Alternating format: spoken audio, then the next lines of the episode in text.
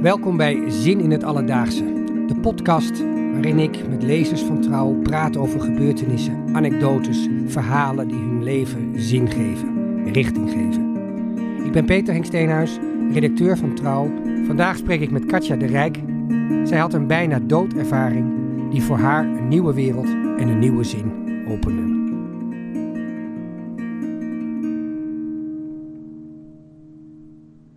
Katja, jouw verhaal begint toen je moest worden opgenomen voor eigenlijk een vrij eenvoudige hartoperatie, als ik het goed me. Hartkatheterisatie. Ja. Ja. En wat gebeurde er toen? Je ging er naartoe? Ja. Ik was vrij ontspannen, want ik had het al eens eerder meegemaakt. En eh, ik zag er totaal niet tegenop. En ehm, het werd gedaan op de OK. Ze huren een OK af. Ik vond wel dat er heel veel personeel was. Dat viel me wel op. Er was een, een acht man op de, op de zaal. En eh, ze begon, ze verdoofde me in mijn lies. En dat eh, nou, ging allemaal prima. En ik schat dat ze een minuut of tien bezig was. En plotseling krijg ik ongelofelijke pijn op mijn borst.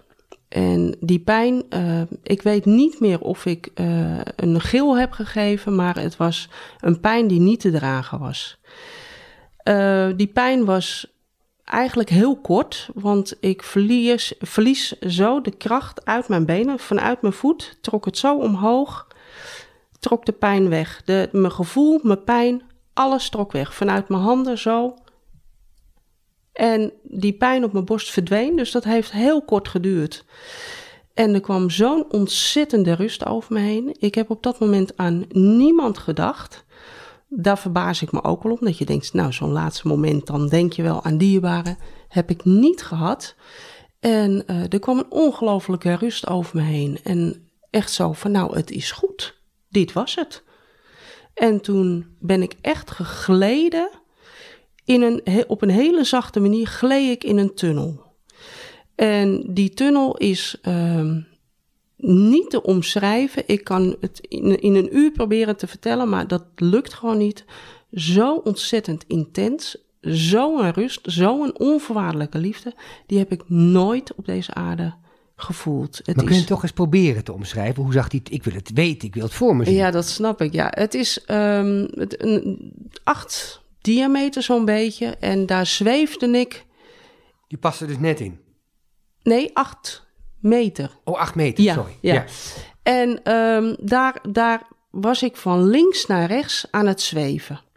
Niet in mijn lichaam, maar gewoon, ja, waarschijnlijk mijn ziel of iets. Ik weet het niet. Er was verder helemaal niemand, maar die intense rust, die was zo indrukwekkend. En vooral onvoorwaardelijke liefde. Zo groot, van het was goed, het was, ja, het was magisch. En kleuren? Magisch, ja. Hele prachtige, uh, uh, zachte kleuren. Oranje, geel, uh, blauw, dat soort kleuren. En aan het einde was dat witte licht. En dat witte licht wat mij opviel was net een, een douchekop die, die zo sproeide op me. En dat ging door me heen.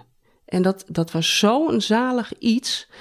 En um, ja, buitenaards. Het is buitenaards. En dat, die douchekop had wit licht? Of wat? Ja, dat was heel helder wit licht. En ook daarin verbaasde ik me, want als je in de auto zit en je kijkt in de zon, dan doe je automatisch je klep naar beneden. Daar kan je niet in kijken. Of zit een zonnebril op.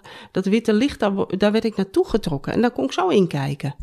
En dat, dat was zo prachtig. Echt dat heldere licht. Geen zonlicht, helder wit licht was het. En ik kom vlak voor dat witte licht en het is bam. En ik sta weer, of lig weer op de OK. En uh, toen waren er een paar dingen. Ik was ontzettend emotioneel. Ik was heel erg boos dat ze me hadden teruggehaald. Oké, okay, niet op dat, niet, niet vanwege de pijn of zo. Nee, nee, nee, nee. Ik was heel boos, want waarom hebben jullie me daar niet gelaten? En het is tevens ook de allerlaatste keer dat ik boos ben geworden. In je verdere leven? Ja, ik ken geen boosheid meer. Hm. Nee, dat is. Een paar dingen vielen me gelijk op. Van mijn leven wordt nooit meer hetzelfde. Dat, dat had je daar al door ja, op direct, elkaar? direct. Ik weet niet wat er is gebeurd met me, maar mijn leven. En ik had ook direct het gevoel dat ik met een taak teruggestuurd was om mensen te helpen. Dus dat, dat, dat ging allemaal in mijn gedachten heel snel. Maar tevens merkte ik ook dat het felle licht op de OK kon ik niet meer verdragen. Huh. Die dus lampen, een enorme licht had je wel kunnen Ja. verdragen, maar de elkaar. Nee, lampen niet. En ik had wel zoiets, ik zag de paniek onder het, eh ze hielden me ook vast. En ik werd emotioneel. Toen werd er ook gelijk gezegd van ja, eh, het is ook niet niks wat u heeft meegemaakt. Eh, dus ik had wel in de gaten, er is iets, maar ik, ik heb het niet gelijk benoemd wat ik had gezien. Want ik, ik wist het zelf niet. Maar je was wel echt bij gelijk. Ja, ja. Ja, Ja, ja. direct bij. Ehm, ik vond de, de, de herrie op de OK vond ik ook in een eh, iets wat ik niet kon handelen. Huh. Dus eh, licht en geluid, dat viel me gelijk op. Dat, was, dat kwam zo binnen. Ik werd ook later naar de hartbewaking eh, gereden. En daar rij je door die gangen. En daar hangen allemaal van die TO-balken. Ik heb met mijn ogen dicht... heb ik eh, in dat bed gelegen. Ik kon dat niet handelen.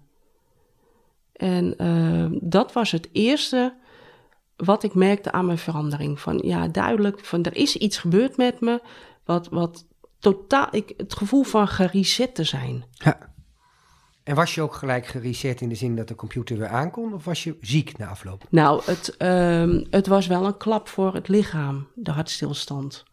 Want ehm, ik kon eh, bijna niet uit mijn woorden komen. Ik kon geen zinnen maken. Ik heb eh, geheugenproblemen. Als ik moe ben, dan speelt dat op. Dus er is wel schade door de hartstilstand.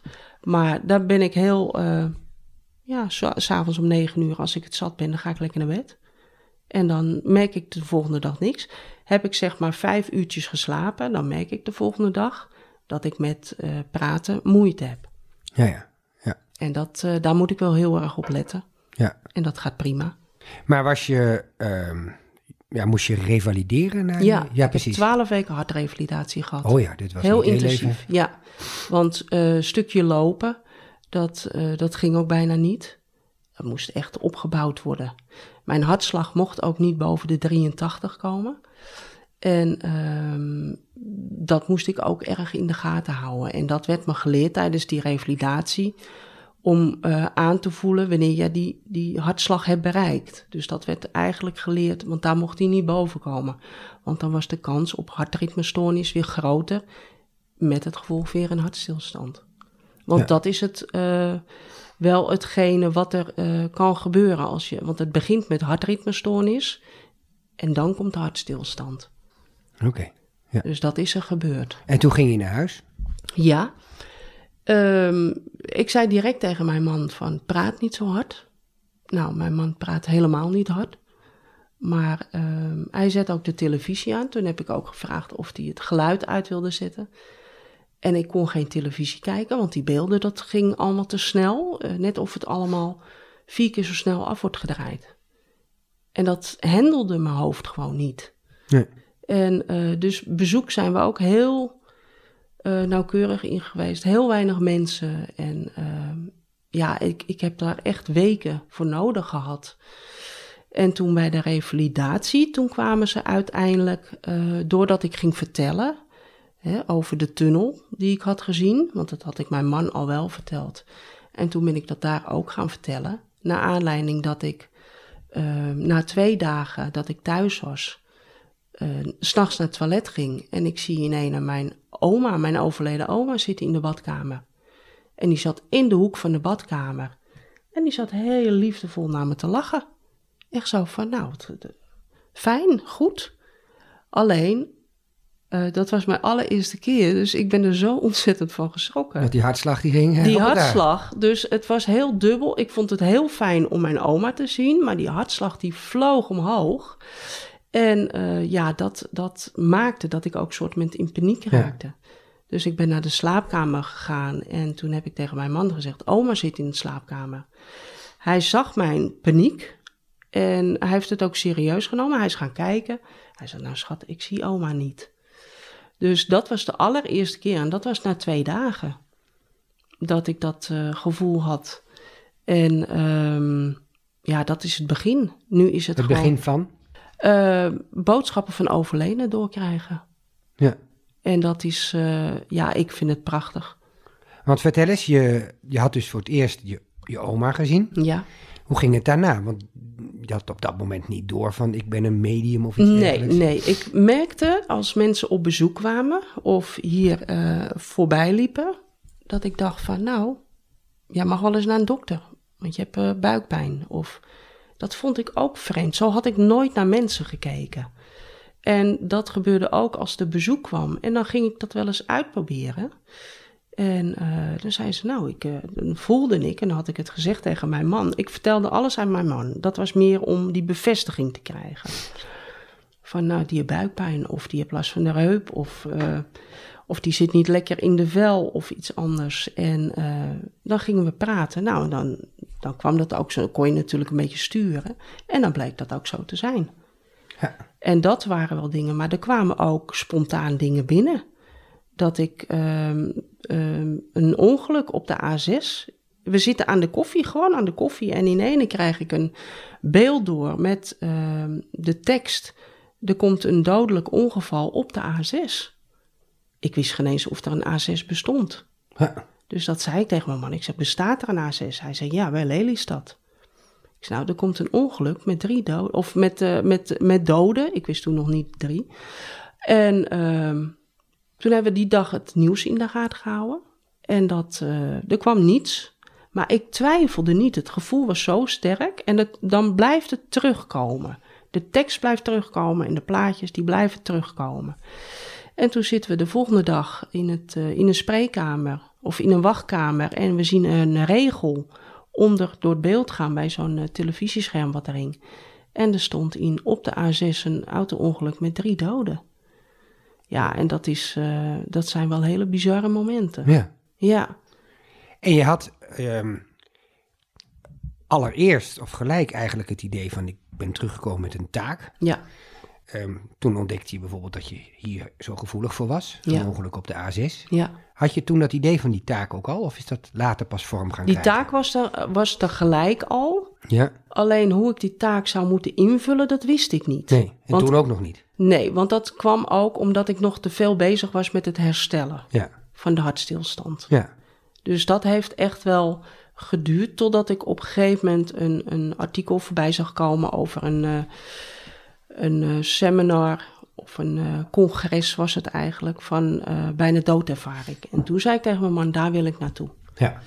En daar zijn we ook samen naartoe geweest. En toen zei hij ook, ja, hij zegt wat er hier door die Pim van Lommel sprak er. En Bob Koppers en Henk Fransen. Pim van Lommel is de schrijver van dat beroemde Van boek, het, ja, het boek. En eh, toen, eh, toen zegt hij ook, ja, wat er hier wordt verteld, dat vertel jij mij ook. Hm. En eh, dat was thuiskomen. Dus dat congres is wel voor mij heel belangrijk geweest om daarbij te zijn. En daarbij heb ik, wij werden op een gegeven moment in groepen gedeeld, in twee groepen. En eh, de groep waar wij in zaten, mocht je je verhaal vertellen als je dat zou willen. En dat was voor het eerst dat ik het hardop vertelde in een groep van, nou, ik denk 30, 35 mensen. Dat ging gepaard met heel veel emotie. Bij jou of in de groep? Ehm, ik zag het in de groep ook gebeuren, maar eh, met name bij ons samen, want dit was toch wel iets, eh, ja, eh, mijn man ook, als je het dan ineens zo ziet te vertellen. En eh, later is Mirjam, die, eh, die kwam dus achter ons zitten. Mirjam is een vriendin van me. Die kende ik toen nog niet. En die zat nadat dat we uit elkaar waren gegaan als groep, kwam zij achter ons zitten in de grote zaal. En toen vroeg ze, kan ik jou na afloop spreken? Want zij vond mijn verhaal wel zo interessant. En zij geeft lezingen in Opdam. En zij wilde graag dat ik daar mijn verhaal kwam doen. Dus in ene kreeg het een hele andere lading van ja, eh, ziek zijn, eh, dingen gebeuren. En ze zegt, ik ben medium. En ze zegt, ik denk dat we wel heel veel voor elkaar kunnen betekenen. En eh, ja, zo is de vriendschap ontstaan. En ik moet wel zeggen, als zij niet op mijn pad was gekomen, had ik niet zo stevig in mijn schoenen gestaan. Nee. Zij- Want je man heeft je altijd gesteund hierbij? Absoluut. Ja, absoluut. Te bewonderen. Ja, hij heeft niet gedacht, het is eh, gek. eh, Nee, nee, nee. Maar dat komt ook omdat hij zich er ook in ging verdiepen. Ja. Hè? Ook het boek ging lezen. Ook bij dat congres was. ja. En toen herkende hij het ook van ja, dit vertel jij ook. En dat zijn dingen, je verzint ze niet. Er gebeuren dingen. En uh, achteraf zegt Mirjam ook, ze noemt het schouwingen. Dat ik schouwingen nodig heb gehad om te bevestigen dat ik, dat ik op het goede spoor zit. En wat zijn schouwingen dan? Uh, dat is het uitproberen op mensen, dingen die ik doorkrijg en dan controleren. Het, het was ook op een gegeven moment, ik, er kwam een plaatje binnen van uh, de keuken van vrienden van ons. En ik, ik had het gevoel dat mijn mond verbrandde. En zij had ook gevraagd aan mij: als je eens een keer wat voelt, wil jij het dan doorgeven? Dus ik heb ze een berichtje gestuurd. Ik zeg: verbrand er op dit moment iemand zijn mond bij jullie? Nou, dat was haar man, want die stond op dat moment te koken en die stond pijnboompietjes uh, te bakken. En daar stond hij van te snoepen, maar die waren zo heet, dus die verbrandde zijn mond. Ja. En dat zijn vooral hele leuke dingen. Ja. Maar uh, ja, zo zijn er nog meer dingen. En dat heb ik altijd met mijn man gedeeld. Ja. En uh, de aanslag in Brussel, de avond daarvoor, ik sta gewoon aan mijn aanrecht, sta ik wat, wat af te wassen. En in ene komt er een, een aanslag. En dat is wel heel bizar. Als je dan de volgende ochtend je mobiel opent en er staat een aanslag. Ja, en je zegt, ja, dat is heel bizar. Je zegt net, als ik haar niet had ontmoet, zou ik misschien niet zo stevig in mijn schoenen staan. Ja. Is het ook angstaanjagend dit? Dat je dat zegt? Um, nee, niet angstaanjagend, maar het is wel zo dat uh, ik het gevoel had dat ik, omdat alles zo open stond, zo hard binnenkwam, dat ik het gevoel had dat ik gek aan het worden was. Ja. En dat heb zij geordend. Ja. Ze zegt ook, je moet het zien als een kast die je opentrekt, die, waar alles uitvalt, uh, chaos. Ja. En door haar heb ik dat kunnen ordenen. En ze heeft me leren afsluiten voor die prikkel. Ja. En ja, dan word je niet overprikkeld. Ja. Ja. En uh, ja, dat, is, dat merk ik, want dat gun ik. Uh, ik gun eigenlijk iedereen zo'n Mirjam. Ja. En dat is mijn doel ook, samen met uh, Mirjam en Bob Koppers, die daar gesproken heeft op dat congres. Ja. We hebben contact met elkaar gezocht en nu geven we lezingen door het hele ja. land. En jouw doel is dan ook mensen te laten zien dat het geen angstaanjagende ervaring hoeft te nee, zijn? Nee, dat, dat je het juist kan benutten. Want uh, wij zien heel vaak bij lezingen dat mensen zeggen van ja, ik kom hier naartoe want ik ben geïnteresseerd in BDE. Uh, bijna doodervaring. Ja, de bijna doodervaring. Ja. En uh, dan, dan horen ze mijn verhaal en soms zie je het al aan de emotie in de zaal dat mensen zo geraakt zijn van ja, jij staat mijn verhaal te vertellen. Ja. Of ze het hebben ervaren tijdens een meditatie. Want Mirjam heeft zelf ook een bijna doodervaring. Maar dat heeft ze uh, gehad tijdens een meditatie. Mensen denken altijd dat je er een hartstilstand of uh, uh, coma of iets voor nodig hebt. Maar dat is niet zo. Het kan spontaan ook gebeuren. Hm. Hm. En dat, zijn, dat is heel mooi hoe we elkaar daarin aanvullen. Bob die heeft honderden mensen geïnterviewd over de hele wereld. Hij heeft daar ook boeken over geschreven, over die ervaring. En Mirjam als medium, haar stuk. Dus Bob begint met de wetenschap en de ervaring die hij heeft in gesprekken. Uh, na de pauze doe ik mijn verhaal en Mirjam vult het aan in hoe ermee om te gaan en welke stappen je daarin kan nemen. Want jij zou het wel dus een heel zinvolle ervaring noemen die je hebt meegemaakt. Absoluut, absoluut. En ik wil het ook niet voor mezelf houden. Ik wil dat, dat mensen die dat hebben ook erover gaan praten. Want er zijn gewoon 600.000 mensen die zo'n ervaring hebben gehad. Ja.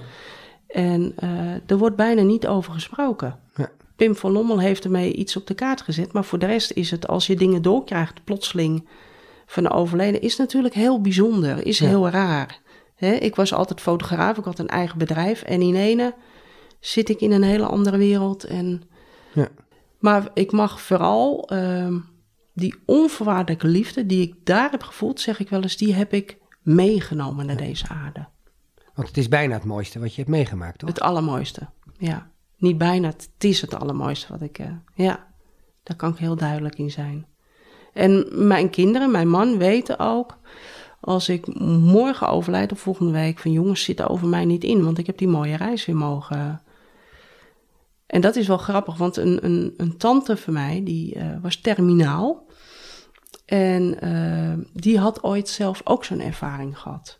En ik had daar een heel mooi gesprek. En ze zegt, Katja, jij snapt me, ja. En toen lag ze in de hospice en zij zou dus ehm, eh, het einde van de middag zou zij dus behandeld worden dat zij in zou slapen.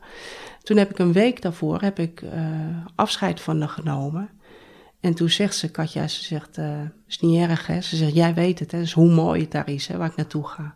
Ik ja, prachtig. Dus ik heb er ook gewoon in plaats van huilend uh, afscheid genomen, heb ik dus haar die prachtige reis. Ik zeg, maak er een prachtige reis van. Dus dat krijgt een hele andere lading. En uh, zo is zij ook ingeslapen. Ja. Met de wetenschap waar zij naartoe ging. Dus ja, ik merk ook in mijn consulten, wat ik inmiddels doe, hier aan huis, uh, dat ik angst bij mensen weg kan halen. Ja. En hoe mooi als de mensen angstig zijn door artikels wat ze erover lezen, gewoon niet meer bang zijn. Ja. En dat is jouw taak? Dat is mijn taak, absoluut. En dat is een hele mooie taak. Ja. Dankjewel voor het luisteren naar de podcast Zin in het Alledaagse. Tot de volgende keer. Abonneer je op de podcast, zodat je geen één aflevering hoeft te missen.